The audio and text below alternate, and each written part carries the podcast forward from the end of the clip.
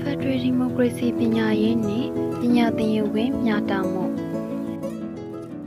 ပညာရေးဆိုတာဟာနိုင်ငံတစ်နိုင်ငံရဲ့ကောင်းခြင်းဆိုးခြင်းတိုးတက်ခြင်းဆုတ်ယုတ်ခြင်းတို့ကိုတိုက်ရိုက်တင်ဟပ်စေတဲ့အရာတစ်ခုပါဒီမိုကရေစီအရေးစီးပွားရေးနည်းပညာဖွံ့ဖြိုးတိုးတက်မှုတို့အတွက်ဆိုရင်လည်းအဓိကအခမ်းကဏ္ဍကနေပါဝင်နေပါတယ်ဒီမိုကရေစီဆိုင်ရာပညာရေးဆိုတာကလည်း ဒီမိုကရေစီလုပ်ငန်းစဉ်များကိုလိုက်နာပြီးဒီမိုကရေစီဖွဲ့စည်းပုံတရက်ရှိသည့်ပညာရေးတရက်ကိုရည်ညွှန်းခြင်းဖြစ်ပါတယ်။ပညာရေးအားဒီမိုကရေစီစံအားပြုလုပ်ခြင်းနဲ့တော့ကွဲပြားပါတယ်။ပညာရေးအားဒီမိုကရေစီစံအားပြုလုပ်ခြင်းဆိုတာကတော့လူဖွဲ့စည်းအလုံးအနေဖြင့်ပညာသင်ကြားခွင့်ရရှိအောင်လက်ဖွင့်ပေးခြင်းဖြစ်ပါတယ်။ ဒီမိုကရေစီအတွက်ပညာရေးနှင့်ပတ်သက်၍ထိရောက်သောအစီအစဉ်တရက်မှာဒီမိုကရေစီစနစ်တရက်အတွင်းနေထိုင်ရန်လိုအပ်သောသက်ဆိုင်ရာအသည့်ကျွမ်းကျင်မှုစံတန်ဖိုးများနှင့်သဘောထားများဖွံ့ဖြိုးလာအောင်သင်ကြားခြင်းနှင့်မြင့်တင်ခြင်းများကိုပြုလုပ်ပေးခြင်းဖြစ်ပါတယ်။ဒီမိုကရေစီစနစ်တရက်၌လူတိုင်းရဲ့အသံကိုနားထောင်ရမှာဖြစ်ပါတယ်။ဆုံးဖြတ်ချက်များကိုလည်းလူများစုဆန္ဒမဲဖြင့်ချမှတ်ရမှာဖြစ်ပြီးလူနည်းစု၏ခွင့်ရင်းများကိုလည်းလေးစားကာကွယ်ဆောက်ရှောက်ပေးရမှာဖြစ်ပါတယ်။ လက်ရှိမြန်မာနိုင်ငံမှာအခြေခံပညာကျောင်းပေါင်း46,468ကျောင်းရှိပါတယ်။ကျောင်းသားပေါင်း9.1တန်းခန့်ရှိပါတယ်။2014သကောင်စရင်ပါအချက်လက်များအရမြန်မာနိုင်ငံတွင်အသက်15နှစ်နှင့်အထက်စတက်မြောက်မှုနှုန်းမှာ89.5ရာခိုင်နှုန်းဖြစ်ပါတယ်။ဒါပေမဲ့အသက်9နှစ်မှ15နှစ်တွင်ရှိကလေးငယ်9သိန်းခန့်သည်လုံးဝကြောင်းမနေဘူးသူများဖြစ်ကြပါတယ်။အဲ့ဒီတဲကမှအများစုဟာကျေးလက်နေကလေးငယ်များဖြစ်ကြောင်းတွေ့ရှိရပါတယ်။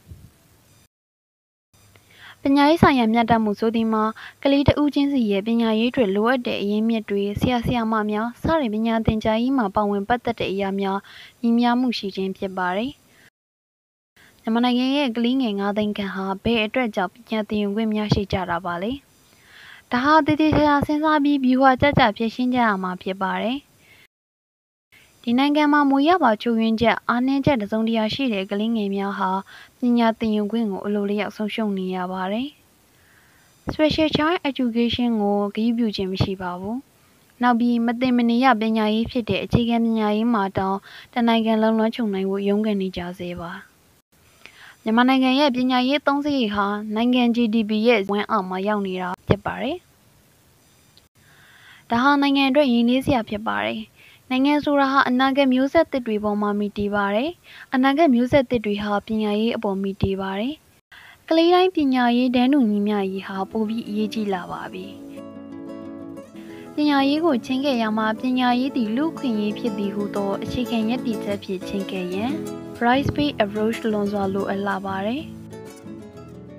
မြန်မာနိုင်ငံမှာ2019ခုနှစ်ဒီဇင်ဘာတွင်ထုတ်ပြန်လိုက်သည့်ပညာရေးဥပဒေမူကြမ်းလေးကိုအခြေခံပညာရေးအဆင့်မြင့်ပညာရေးအသမွေးဝမ်းကျောင်းပညာနှင့်ပုဂ္ဂလိကကျောင်းဥပဒေများသည်ဗဟိုချုပ်ကင်မှုအများဆုံးဖြစ်ပြီးကျောင်းသားများဆရာများနှင့်တိုင်းရင်းသားများအပေါ်တရားမျှတမှုမရှိတာကိုတွေ့ရပါတယ်။ဥပဒေကြမ်းရေးဆွဲရမှာပါဝင်ခွင့်လွတ်လပ်စွာထုတ်ဖော်ပြောဆိုခွင့်လွတ်လပ်စွာစုဝေးခွင့်လွတ်လပ်စွာဖွဲ့စည်းခွင့်များစသဖြင့်အခွင့်အရေးများစွာကိုဆုံးရှုံးနေရတာဖြစ်ပါတယ်။